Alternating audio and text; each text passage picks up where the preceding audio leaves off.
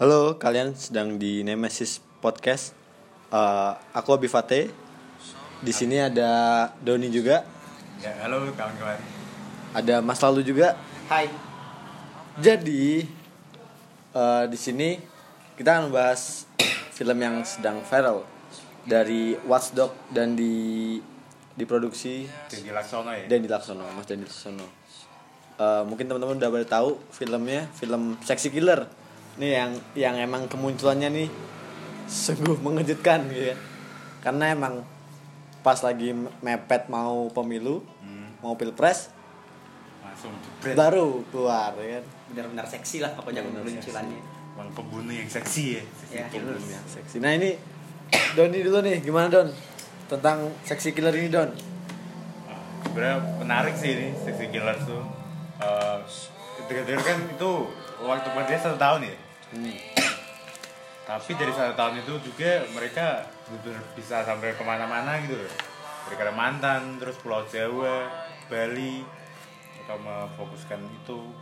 Ya walaupun menurutku emang ini apa impresiku sih kalau lihatnya kayak gila ini film dokumenter tapi kayak nggak bosen plus nontonnya tapi ya itu sih di satu sisi memang menurutku juga kurang dalam jadinya karena mungkin waktunya ya jadi kurang di membahas dampak-dampak dari kan film itu juga tentang PLTU ya tentang, PLTU. tentang batu bara jadi menurutku masih kurang sih kurang dalam pembahasannya Ya, seperti itu sih menurutku impresi awalku nonton selesai Sexy Killers Tapi menarik ya. menarik sih jarang-jarang Jarang-jarang. Dan langsung gempar gitu kan. Mm. Kayaknya Kalau- satu, belum ada satu minggu lah satu juta itu. Iya. Gila. Di YouTube tuh. Udah diupload di YouTube ya? Iya. Berapa hari yang lalu ya? Ini berapa hari? Tiga apa empat hari yang lalu ya? Setelah screening di banyak kota Nah, tuh kan. Kota. Terus baru diupload ke YouTube ya? Nah, Yang uploadnya juga di eh, apa? Simbolisasi dengan dipencet oleh bapak-bapak nelayan di mana Batang ya? iya Batang. Di Batang. Hmm. Kalau Mas Lalu gimana Mas Lalu? Eh, kalau aku sendiri sih mungkin gara-gara beberapa bulan terakhir itu aku lagi senang-senang sama isu lingkungan. Hmm, ekologi gitu. Ya. Jadi emang eh, terkait seksi killer ini kaitan dengan tambang batu bara, Hmm. eh, PLTU dan sebagainya itu eh, lagi tertarik banget sih emang ke pembahasan yang kayak gitu ya sama kayak Doni tapi mungkin pembahasan ke yang aku agak kecewa pembahasan lingkungannya itu agak kurang dibandingkan dengan eh, pembahasan hal-hal yang berkaitan dengan eh, perusahaan kapitalisme dan sebagainya. Eh, meskipun itu menjadi salah, menjadi salah satu penyebab utamanya tapi aku rasa eh, dampak atau akibat eh, kerusakan lingkungan tuh kayaknya sih masih bisa digali lebih dalam lagi. Agaknya karena memang eh, dirilis berdekatan dengan Pilpres eh, pilpres, jadi tujuannya itu lebih banyak ke ke menyorot kedua belah calon Calon. presiden kita. Itu yang eh, menarik. Cuman ya mungkin kalau agak lebih panjang lagi mungkin aku masih sanggup nonton sih kata kayak katanya Dodi tadi. Ini nggak membosankan sama sekali begitu ketika aku nonton. Gitu. Saya bagaimana ya? Eh, kalau saya emang aku dari dulu hidup di pesisir gitu loh. Dan sering lihat para bapak-bapak nelayan yang dia berangkat malam-malam pulang pagi-pagi entah kenapa relate gitu deket gitu. Jadi kayak aku juga merasakan bahwa mereka sengsara itu gimana gitu. Walaupun keluarga bukan keluarga nelayan tapi ya, perjuangan mereka tuh berat. Dan itu menurutku tergambarkan sih di film Sexy Killers itu. Nah jadi emang emang ini di film Sexy Killer itu nggak cuma membahas eh, dampak kerusakan, membahas tentang lingkungan aja. Tapi menurut menurutku juga ada apa ya semacam tendensi politisnya juga. Hmm, betul. Dan momentumnya loh Iya, momentum dari Watchdog dari dari eh, produser film ini. Mereka mengeluarkan film ini menjelang pilpres gitu. Hmm. dan ya bikin chaos juga sih bikin Iya. bikin keributan juga sih. Iya, banyak tanggapan dari teman-teman yang yang pro kontra juga dari situ. Nah kalau Doni di ke mana sih Kendal ya ya itu eh terkait PL, PLTU Batang nih kan yang deket daerah Semarang sini kan PLTU Batang Nah, yang ini masih tahap pembangunan kan belum belum beroperasi kan belum belum yang ini menjadi PLTU terbesar se Asia Tenggara. Asia Tenggara. Ini tanggapan tanggapanmu gimana Don? Tanggapan dari apa dulu nih? Tanggapan apa nih? Maksudnya pasti kan ada ada ada pro kontra juga dari warga sekitar gitu. Eh, yang diuntungkan kira-kira pihak-pihak mana dan lebih banyak yang diuntungkan atau dirugikan sih sebenarnya? Kalau aku sendiri kan warga Kendal, otomatis kan tuh Semarang, Kendal, terus Batang kan, semuanya tuh sebelah persis sama Batang gitu. Oke. Tapi yang ya walaupun memang jarang pulang ke rumah, tapi tak lihat dia tak dengar dari teman-teman tuh jarang banget orang Kendal yang ngomongin masalah PLTU Batang yang gue heran juga. Itu sebelahnya persis tuh loh. Yang mana kalau memang sebes- paling besar se Asia Tenggara, menurutku asapnya tetap bisa saja dampaknya ke Kendal loh, kena angin terus uap asapnya, polusinya kan bisa lari ke Kendal tapi eh, yang daerahnya juga gak ada gak ada sama sekali yang peduli kalau aku lihatnya ya. Mungkin se sependek pengetahuanku mungkin ya. Atau juga dari teman-temanku yang apa anak-anak aktivis dari Kendal itu juga aku lihatnya juga jarang banget yang memang ngobrolin masalah-masalah lingkungan. Hmm. Itu juga sih. Ini sebenarnya kalau dilihat juga apalagi dari film Sexy Killer itu terutama yang lagi kita bahas ini kan eh ini dampaknya kan sebenarnya PLTU itu kan biasanya Mm. di dekat laut Ya.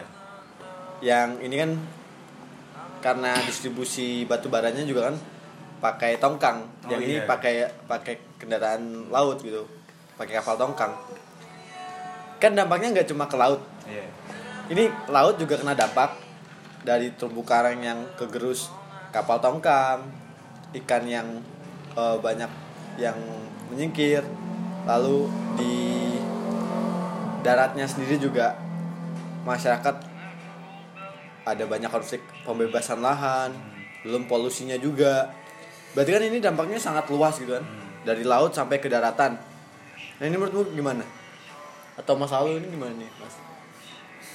Eh, kalau menurutku sih ketika eh, teman-temannya Doni tadi di daerah Kendal misalnya eh, belum belum banyak pembicaraan terkait dengan hal itu mungkin karena emang merasa masih cukup jauh dan eh, masih merasa belum ter- begitu terdampak.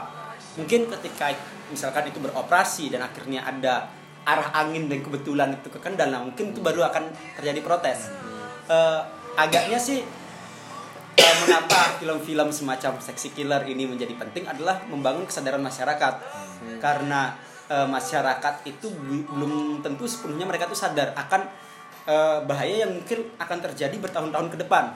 Apa yang masyarakat dalam tanda kutip umum atau biasa akan sadari adalah apa yang paling dekat dengan mereka. Itulah kenapa mungkin sekarang yang paling bergejolak mungkin yang benar-benar ada di dekat sana yang mereka berurusan langsung dengan lahan eh, dengan pembebasannya gitu tentunya. Terus yang kedua petaninya eh petani eh, nelayannya yang langsung berkaitan yang kira-kira mereka akan langsung digempur dengan eh, batu bara. Agaknya emang masih eh, cenderung yang berada di sekitarnya.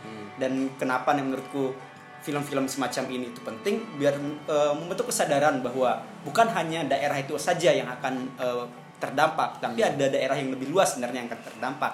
Dan orang-orang yang kayak kita yang mungkin belum merasakan dampaknya tapi s- tentu saja suat- dengan suatu cara kita akan terdampak secara langsung dan nggak langsung. Aku rasa itu yang eh, tak dapat dari film itu. Terus tadi apa ngomongin tongkang itu jadi keinget. Jadi pelabuhan Kendal itu dari dulu mati. Terus 4 tahun kalau nggak salah 3 atau 4 tahun yang lalu pelabuhannya tiba-tiba aktif.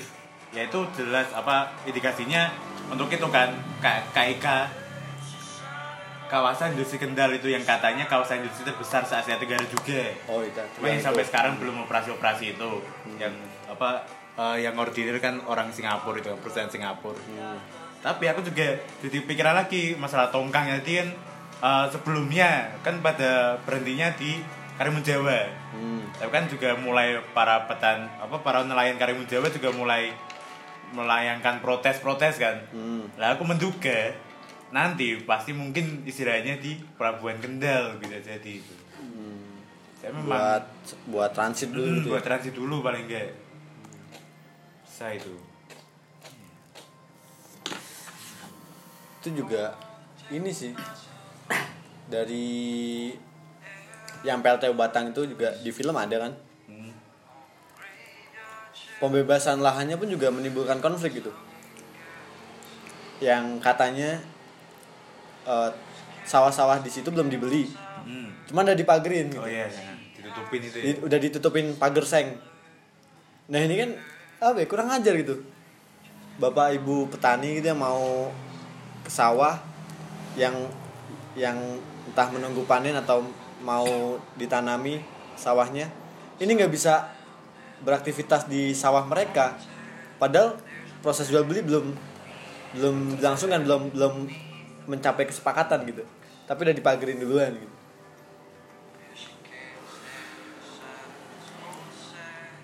Ya makanya kalau menurutku sih hal-hal yang kayak gitu itu yang agaknya menjadi kalau kita bilang tadi agenda politis dari eh, dari Watchdog sendiri ketika mereka membuat eh, film ini.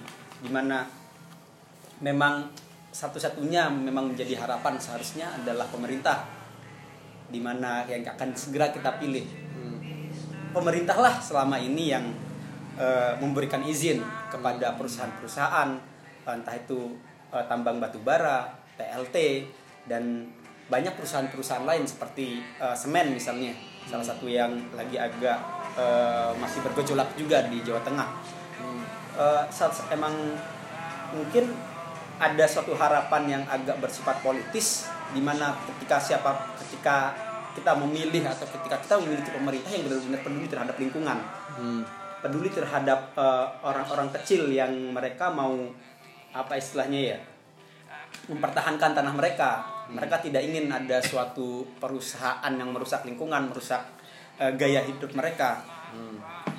Dan ya yang cukup disayangkan ketika ngelihat eh, film itu ternyata kedua belah pihak memiliki jaringan yang sama sebenarnya. Iya jadi seakan-akan kita mau memilih atau kita mau menengok ke arah mana pun sebenarnya jaringan paling tidak untuk eh, usaha tambang batu bara ini mereka masih berada di satu gerombolan yang sama. Eh, itu cukup menyadarkan sih untuk ya ya kita milih mana pun sekarang kayaknya untuk masalah batu bara emang perlu menjadi eh, perjuangan kita lagi. Akan terus melakukan perjuangan entah siapa pun yang eh, dipilih besok. Nah di film Seksi Clear itu juga kan? Ada bagian yang menjelaskan jaringan-jaringan eh, perusahaan-perusahaan mana yang sahamnya dipegang oleh siapa yang juga bermain di pilpres ini ya entah itu Anda-andanya. calonnya dan itu tim pemenangannya juga dan ternyata Kiai Maruf Amin ini Hmm. eh, yang menjabat sebagai ketua MUI ya, MUI, ya. MUI. MUI juga punya peran di situ Hmm. Sebagai lembaga yang melegitimasi bahwa perusahaan ini Halal. syariah halal gitu Kemarin lucu tuh kan perusahaan tuh perusahaan batu bara halal tuh apanya yang dihalalkan dan buat apa gitu Enggak kalau di, di film itu kan syariah. Ah. Syariah berarti tidak melanggar Oh, iya. syariat Islam gitu kan. Ah. Ya, ini lucu juga. Terus di pengadilan sejak tahun 2015 atau 2014 sampai sekarang hampir seluruh perusahaan ini lolos AMDAL. Hmm. Perusahaan tambang batu bara ini lolos AMDAL itu. Padahal ternyata di lapangan merusak banget gitu. Karena dampaknya kan nggak nggak cuma lingkup tambang itu aja tapi kan juga merusak kontur tanah sampai udara juga dan mungkin juga air yang ini juga berdampak buruk buat masyarakat sekitar dari mulai kesehatannya ekonominya bahkan anak-anak gitu. Banyak anak-anak yang mati di bekas galian tambang. Karena emang eh, anak-anak ini yang seharusnya bisa bermain punya lahan bermain yang bebas ya mereka sangat dekat dengan lingkungan tambang ini. Yang di mana anak-anak kan biasanya masih masih rasa ingin tahunya besar. Iya. terus belum bisa mikir ini main di sini aman gak sih? Ya karena itu tadi lahan bermain mereka sudah diambil tambang. Mereka juga terdampak masa kecil mereka. Itu juga apa jawaban dari gubernur Kaltim itu juga lucu sih itu. Malah dia nyalahin si ibunya karena gak bisa menjaga anaknya gitu. Nasib nasib. Nasib katanya. Ah. ya agak kecewa sih ngeliat pemimpin-pemimpin kita kayak gitu. Gimana? Nih udah sepakat golput belum? Nah, itu kayaknya sebelum nonton ini udah sepakat sih itu. Sepakat. Sebelum sebelum nonton seksi killer malah iya ya jelas nah Dan ini agaknya ini agak lebih meyakinkan lagi kan? Eh, sepertinya pilihan saya memang benar gitu. Ah. kita udah gimana ya? Kayaknya udah gak bisa le- lagi mentolerir dengan memilih yang lebih lebih tidak buruk daripada yang buruk yang kurang buruk daripada yang buruk gitu loh. Saya dua sama-sama buruk gitu loh. Kayaknya hampir sak level lah gitu. Iya kan? Kalau sekarang bahasa ya anak Twitter tuh yang mudaratnya lebih sedikit. Katanya lebih sedikit, anjir, anjir. apaan? nah ini juga menarik nih kan? Eh, sejak kemunculannya lalu ada screening di beberapa kota. Ya. terus dilanjutkan dengan pengunggahannya di YouTube yang bisa ditonton oleh siapa saja. Kan udah mulai viral tuh sampai sekarang sampai tanggal berapa? 16, ini? April. berapa juta penonton? Udah 6 Tahu ya. Kurang tahu. Belum belum ngecek lagi aku. Nah itu kan viral juga tuh. Banyak yang ngomongin. Banyak yang pro kontra juga. Hmm. apalagi yang orang-orang yang seakan-akan melihat teman-teman yang golput tuh mereka di golput haram Ah. golput dosa gitu kan. Nah ini kan menimbulkan pro kontra juga dari eh, netizen. Hmm. nah ini kalau menurut Doni dan Mas Halu gimana nih aku tadi pagi apa ya? Tapi belum sempat baca secara keseluruhan sih tapi ada orang yang memang kontra kan masalah ini. Yang ngomong di film Sexy Killer itu kan sempat membahas bahwa apa airnya memang keruh. Lalu apa eh, kadar hujannya jarang atau apa kan kata orang sih yang di Twitter itu yang memang dia sempat tinggal di Kalimantan Timur itu ya.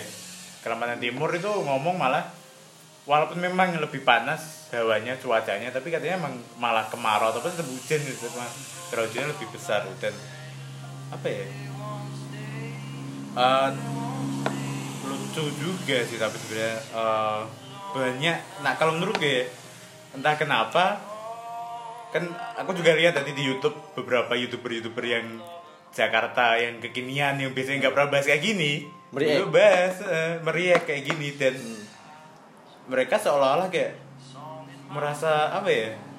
Merasa sudah benar banget dengan ngomongin ini. Padahal maksudnya ya kita gak, gak bisa apa utopis juga maksudnya harus realistis juga kalau emang kan kalau menurutku ya kan emang ini kayaknya filmnya itu politiknya arah mau ngarahin penontonnya ke mana kan jelas banget kan kayaknya tapi banyak banget apa ya aku jadi ya memang gimana ya aku suka ketika emang yang golput.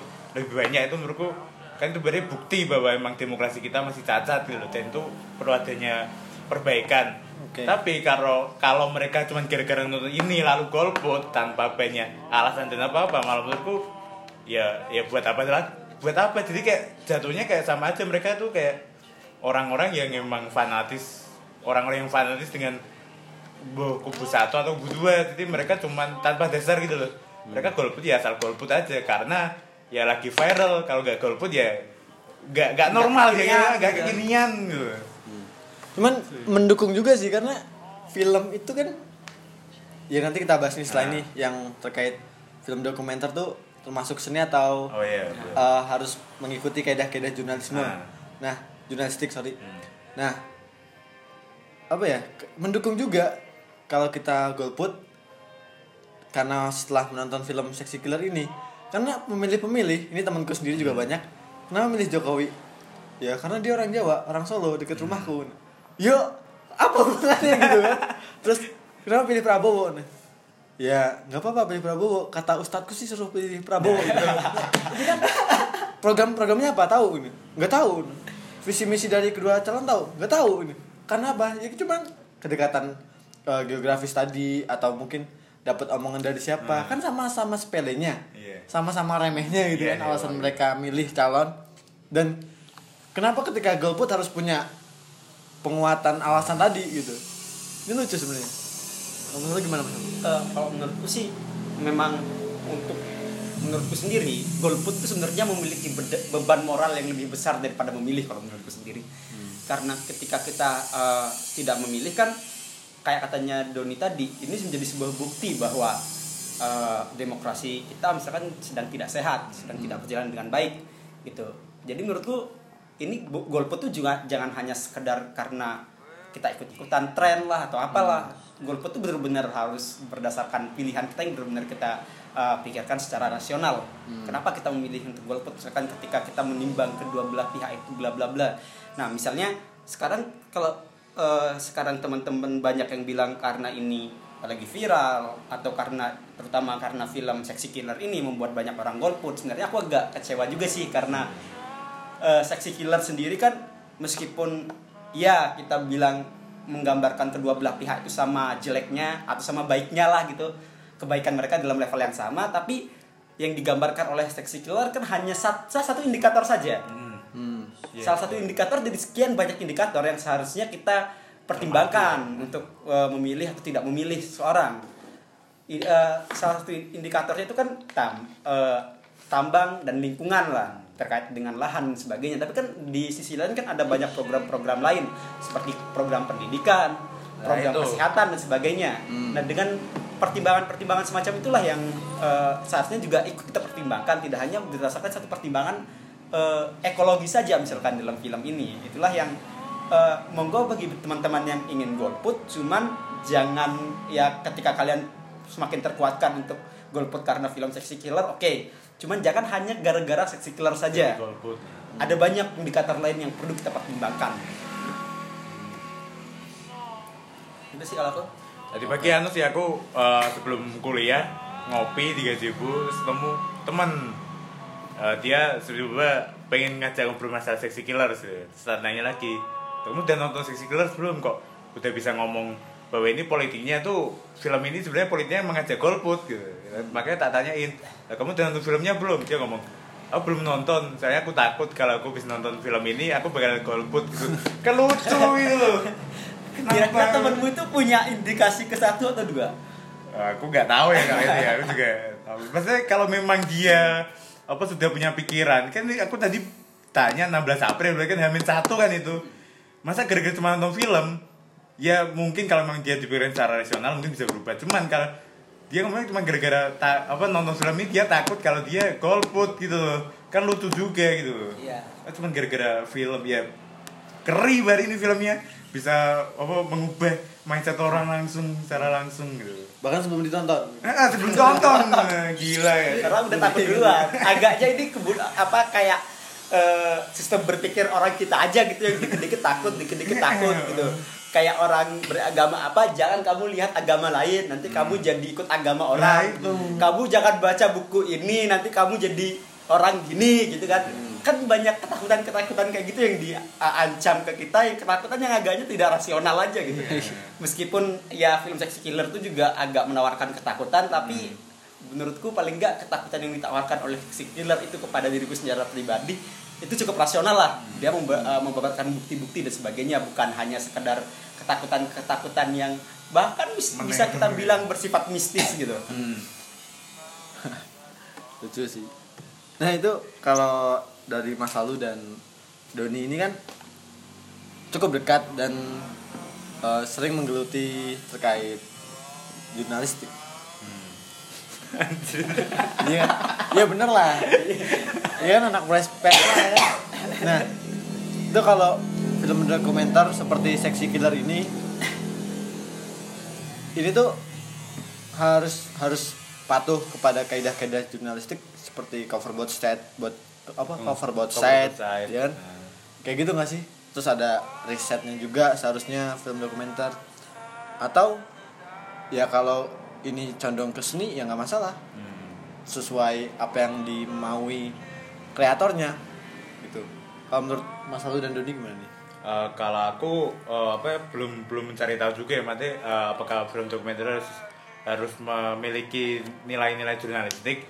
Cuman selama eh, aku menonton beberapa kali video-video dokumenter lain itu kebanyakan itu mereka eh, si si pembuatnya itu mereka anu apa ya se semau si pembuatnya gitu ketika dia pengen menyudutkan pihak yang ini dia belum menyudutkan.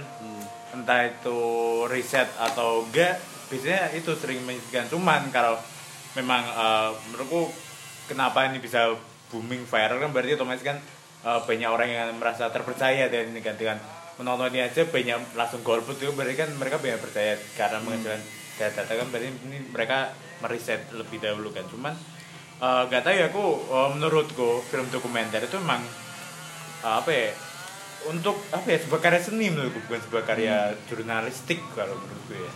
Ya kalau eh, kayaknya video jurnalistik itu ada sendiri gak sih genre-nya? Ada sih. Ada kayaknya ya.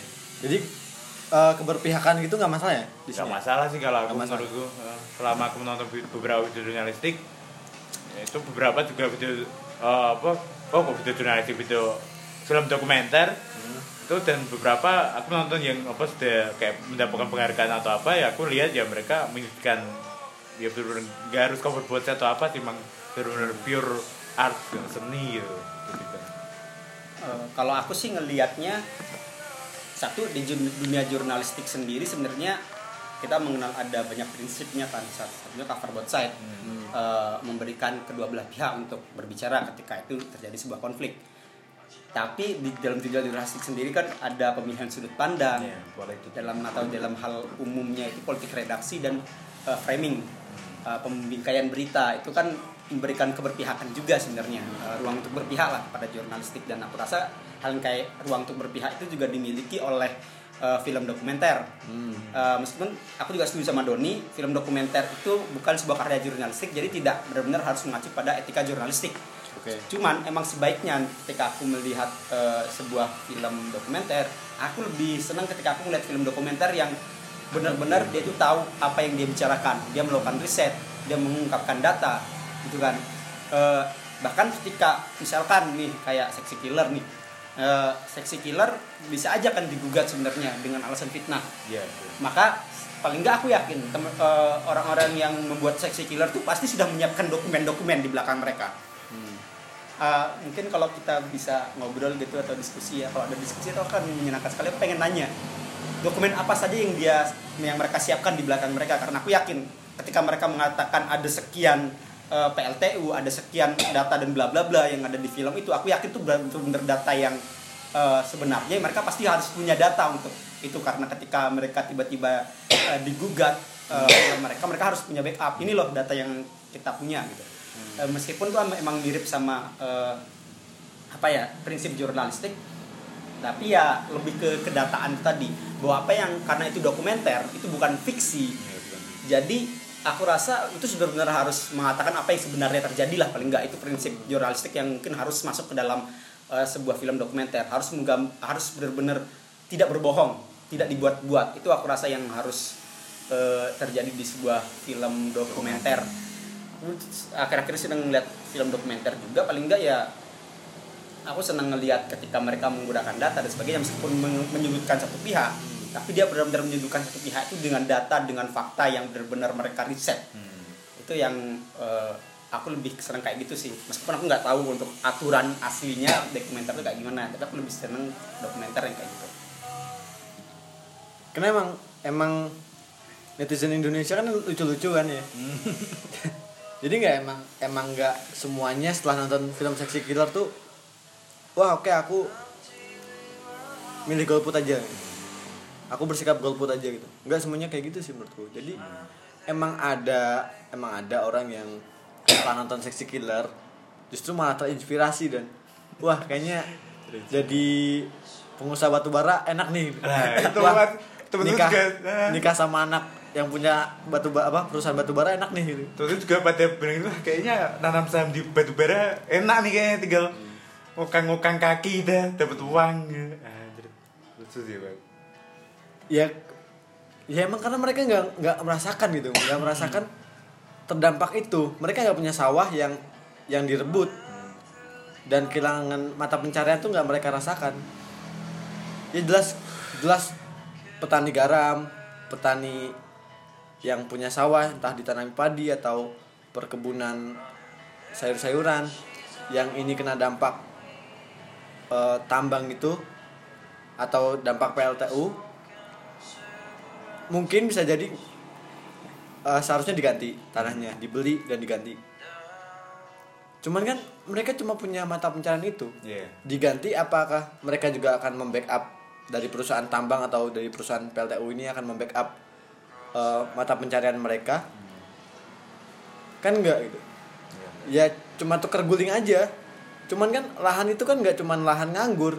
Lahan itu dipakai Produktif. buat iya buat buat ini mata pencarian mereka. Atau nelayan bahkan.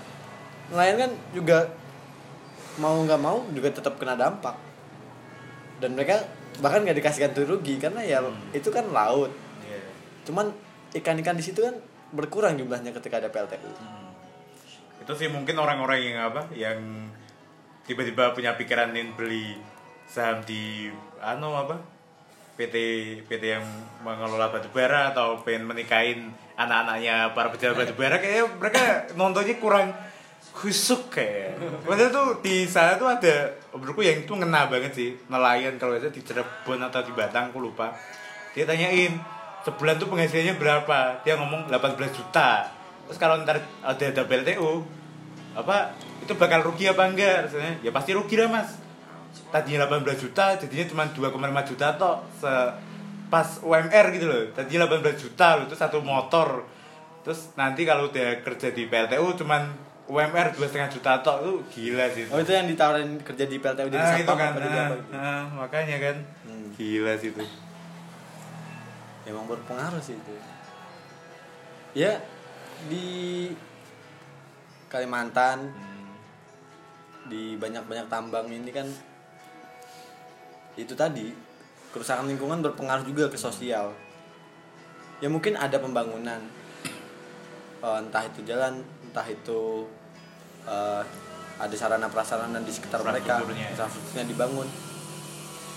Cuman kan kita nggak terus-terusan hidup untuk memperkaya diri sendiri. Hmm. keberlanjutannya nggak ada. Ketika ini ada hutan atau ada ada laut yang masih bersih lalu tercemari limbah-limbah dari PLTU atau dari tambang ini. Ini kan juga merusak. Entah dari debu entah dari limbah yang apa limbah udara limbah yang cairnya juga. Terus kayak terumbu karang tuh pada rusak kan karena kejatuhan jangkar-jangkar hmm, tongkangnya itu. kalau tonggang.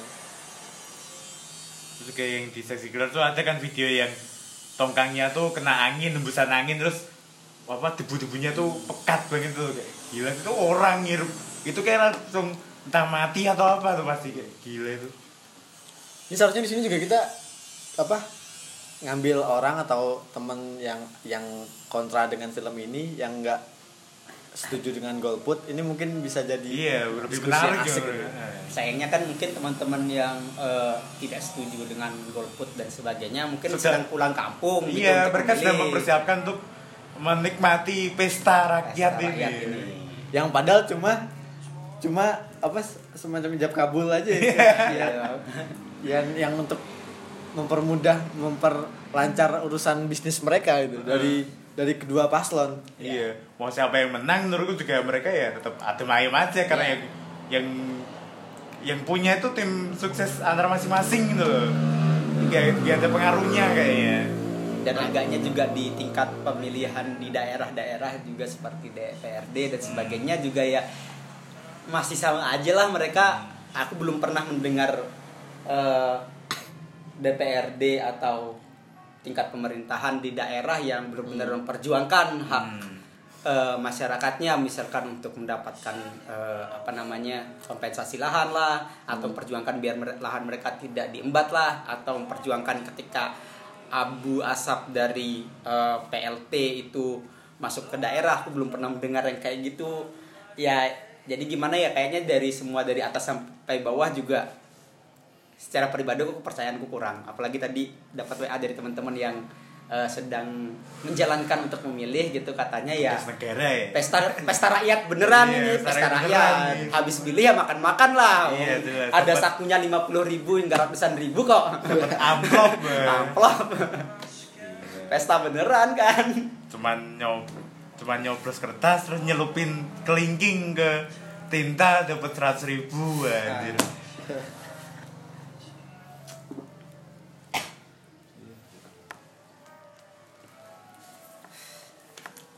menarik sih menarik.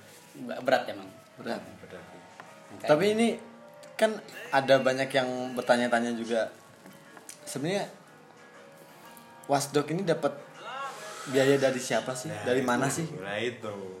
Terus ketika udah viral seperti ini sudah banyak yang memilih golput sudah berkurang rasa kepercayaan kita ke pemerintah ini bakal ada apa? Siapa yang diuntungkan? Siapa yang bermain atas kekacauan ini gitu. Nah itu responnya dari Mas Lalu dan Doni gimana nih? Nah, Mas Lalu sebagai yang punya memiliki background politik ya, kan politik si wasdognya kan ini. itu cuma eh, apa latar belakang formal saja itu ketok ketok ewa ya gue tapi aku rasa juga emang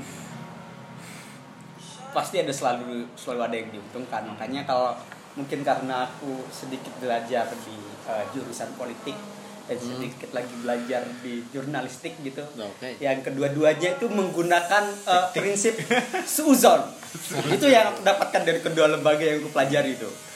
Prinsipnya itu suuzon jangan percaya sama orang. Itu. Jadi sebenarnya pertanyaannya Abid dan itu menarik karena memang agendanya apa sebenarnya ketika kita Nah, eh, bertanya tentang Watch- Watchdog gitu yang benar-benar eh, begitu banyak loh filmnya yang mengangkat isu-isu kayak gini yang dalam tanda kutip mengurangi kepercayaan kita terhadap pemerintah hmm. itu memang ya ini pertanyaan besar yang aku juga ragu karena duit banyak itu pasti dari perusahaan Jelas. pasti dan itulah kenapa eh, kalau tak lihat itulah kenapa pemerintahan kita misalnya secara umum itu pastilah eh, ada unsur-unsur apa ya namanya lembaga-lembaga kayak satunya batu bara lah gitu terus ada perusahaan-perusahaan lainnya pasti ada embel-embel perusahaannya karena emang untuk mereka terpilih perlu biaya banyak dan satu-satunya yang bisa memberikan biaya banyak itu perusahaan. Nah kira-kira Watchdog ini aku juga belum paham ini kira-kira dia dapat biaya dari mana Dari kapan dari mana ya? Ah, itu dia perjalanan setahun tuh. Dia ke kalau lihat peta di awal itu dari Jawa muterin Jawa terus ke apa Bali terus ke apa ND Nusa Tenggara terus ke Papua terus ke apa ke Sulawesi, Sulawesi. terus habis itu baru Kalimantan itu perjalanan tuh gila tuh makan berapa juta buat Puluhan berapa orang gitu. terus ntar buat nyewa kapal ikut perahu bla bla belum apa juga alat-alat buat ngerekamnya menurutku kualitasnya bagus itu dan tulis pasti mahal itu Oke, itu backingannya siapa? Itu kan menurutku pasti mungkin oposisi dari perusahaan-perusahaan batu bara itu bisa jadi kan. Karena aku juga ikut jurnalistik, jadi aku juga ingin bersuzon. Bersuzon. Itu pasti perusahaan-perusahaan yang tidak, yang kalah saing Kalah menurutku. Kalah saing mendapatkan apa eh, izin atau apa, terus mereka mencoba melawannya dengan mematikan dengan suara ya ini apa pakai kekuatan ini the power of people gitu kekuatan orang-orang banyak kekuatan masyarakat dengan itu kekuatan paling ampuh gitu Cuman memang emang karakteristiknya orang Indo, Indo- orang Indonesia kan emang sering mencari-cari kesempatan gitu kan. Iya. Ini direncanakan atau tidak pasti banyak yang ngambil kesempatan gitu. Iya. Ketika wah ini batu bara dampaknya merusak gitu. Banyak limbahnya dari sana. Terus muncullah kelapa sawit. Hmm. Kelapa sawit pun nanti kebun-kebunnya juga bakal ada sengketa. Ya emang udah jelas kasus-kasus sengketa kayak gitu. Terus mungkin ada juga yang bakal masarin panel surya. Yang mungkin juga bakal lama-kelamaan setelah itu jadi booming bakal dikapitalisasi juga gitu. jadi itu iya apa planet surya ya Hmm. Sendirinya kan prinsipnya adalah ketika suatu kaum yang ditindas itu lepas dari penindasan dan berada di posisi atas maka dia akan balik menindas. Menindas itu apa pendidikan apa pendidikan kritis apa apa ya itu Ah, juga Freire lupa. Ah, Freire. kan itu kesalahan banyak orang sekarang tuh ketika dia ditindas selalu lepas dan jadi apa yang enggak ditindas akhirnya dia malah berubah jadi penindas bukannya membenar apa membetulkan memperbaiki eh, apa sistem bagaimana kok bisa ada tindas dan menindas ditindas yang dan apa penindasan. Tapi malah mereka juga jadi a- apa komponen di dalam sistem itu juga gitu. Yang berbaiki malah ikut-ikut salah juga sih ya di sisi lain kalau aku secara pribadi sih eh, lebih lebih tertarik untuk mengambil resiko itu tadi aja emang ketika kita tidak puas sekarang ya ya udahlah kita akhiri saja dengan yang kayak gini. Ya kemungkinan kan ada beberapa partai yang tahun-tahun sebelumnya mereka gagal melonjak gara-gara eh, ini gara-gara besarnya ketokohan dua orang ini. Iya. mereka kan gagal mengusulkan orang. Kan ada beberapa partai lah yang sebenarnya mereka niat Punya di Jakarta niat niat menaikkan seseorang jadi capres gitu tapi gagal. Nah agaknya kesempatan itu tadi yang akan dia partai-partai ini yang akan ngambil. Dan salah satu partai muda kita itu kayaknya akan mengambil kesempatan besar di sini seharusnya. Dan eh, mungkin isu-isu yang kayak gini akan menjadi isu mereka mungkin di tahun-tahun besok. Kampanye besok. Ah, agaknya kayak gitu. Tapi ya se- seuzon seuzonnya ya coba aja lah kita mencoba sesuatu yang baru aja kayaknya deh. Di ke depannya jangan yang yang ini ini aja terus. Aku lebih eh, pengen yang kayak gitu dan kalau aku husnuzon sedikit ke ke eh, film ini ke produsen dari film ini mungkin emang ada lembaga-lembaga eh, lingkungan hidup yang yang menopang mereka. Lembaga-lembaga yang emang mereka bergerak di eh, bidang lingkungan hidup yang Greenpeace gitu ya kayak, ah, kayak kayak semacam Greenpeace dan sebagainya internasional yang benar-benar mendukung untuk perbaikan eh, bumi lah secara ekologis. Aku berharapnya sih memang ini niatannya sebagai sebuah gerakan ekologi aja. Memang masuk ke politik, cuman emang niatan intinya itu adalah ke ekologi. Karena entah siapa pun ketika kita niatnya ke ekologi, aku percaya bahwa eh, masyarakat juga akan mendapatkan dampak positifnya juga ketika emang kita niatnya ke ekologi, ke perbaikan eh, sistem untuk me- melestarikan lah alam kita. Aku rasa akan tetap bisa lah untuk masyarakat akan berbahagia. Cuman agenda politik ini kan juga berkait dengan itu tadi eh, pengusaha dengan investor. Investor ini kan mereka yang punya duit, mereka yang punya perusahaan, mereka yang punya usaha. Pemerintah dan lembaga agama ini cuma melancarkan aja, meluruskan aja gitu. mau bikinkan jalan biar terlihat benar gitu Iya, dan sekarang banyak sengketa, banyak konflik. Tokoh-tokoh masyarakat yang tadinya menolak terus disuap uang, terus mereka mingkem ini juga banyak, ya kan? Iya. Cuman yang namanya yang namanya eksploitasi ini kan emang bangsat banget kan? Dan jelas yang terdampak jelas masyarakat miskin. Kaum-kaum marginal yang kena dampak. Cuman kalau aku sih tetap tetap berpegangan ke Fox Pop Fox Populi Fox Day. Hmm, Suara rakyat adalah suara Tuhan. Eh, Oke, gitu ya. Jadi gitu. Diskusinya emang asik banget dan eh, kita nggak nggak nggak condong ke mana-mana. Ya walaupun kita punya ya, prinsip golput, oke sebenarnya itu aku- tapi nggak ada maksud untuk ini Iya, kampanye kita, golput ya. kita tidak mengajak golput toh. Ya Iya. juga ini paling ntar disebar kayaknya pasca ya. Hmm. Pasca ya atau apa. Itu apa teman sebenarnya punya temen dia orang apa dia anak anu juga sih apa orang kelapa sawit itu Hmm. kan eh, sistemnya juga hampir sama yang dipakai perusahaan-perusahaan batubara perusahaan kelapa sawit tuh Hmm. harusnya tuh bisa dianu sih kita cek terus buat ngobrol sih masalah gimana mereka apa masyarakat yang memang benar-benar tinggal di dekat-dekat apa eh, tempat pertambangan pertambangan gitu itu sebenarnya bisa sih cuman ya sayang aja orangnya turu kayak Ya apa pun pilihan kita kan menurut saya apakah kita memilih satu, dua atau tiga? Tiga atau tiga? dia atau apa sih? Dianya lagi. dia dianya lagi gitu kan. Tapi ya yang paling penting adalah kita melakukan pilihan itu dengan rasional dan juga dis- disertai dengan nurani. Rasional kita mempertimbangkan segala eh, kelebihan kekurangan dan segala kemungkinan nurani karena ini bukan cuma tentang kita saja tapi juga tentang Indonesia dengan seluruh rakyatnya Mantap. Wow, oke. Jadi gitu teman-teman. Obrolan kita malam ini dan sampai jumpa di episode Nemesis podcast selanjutnya. Mantap.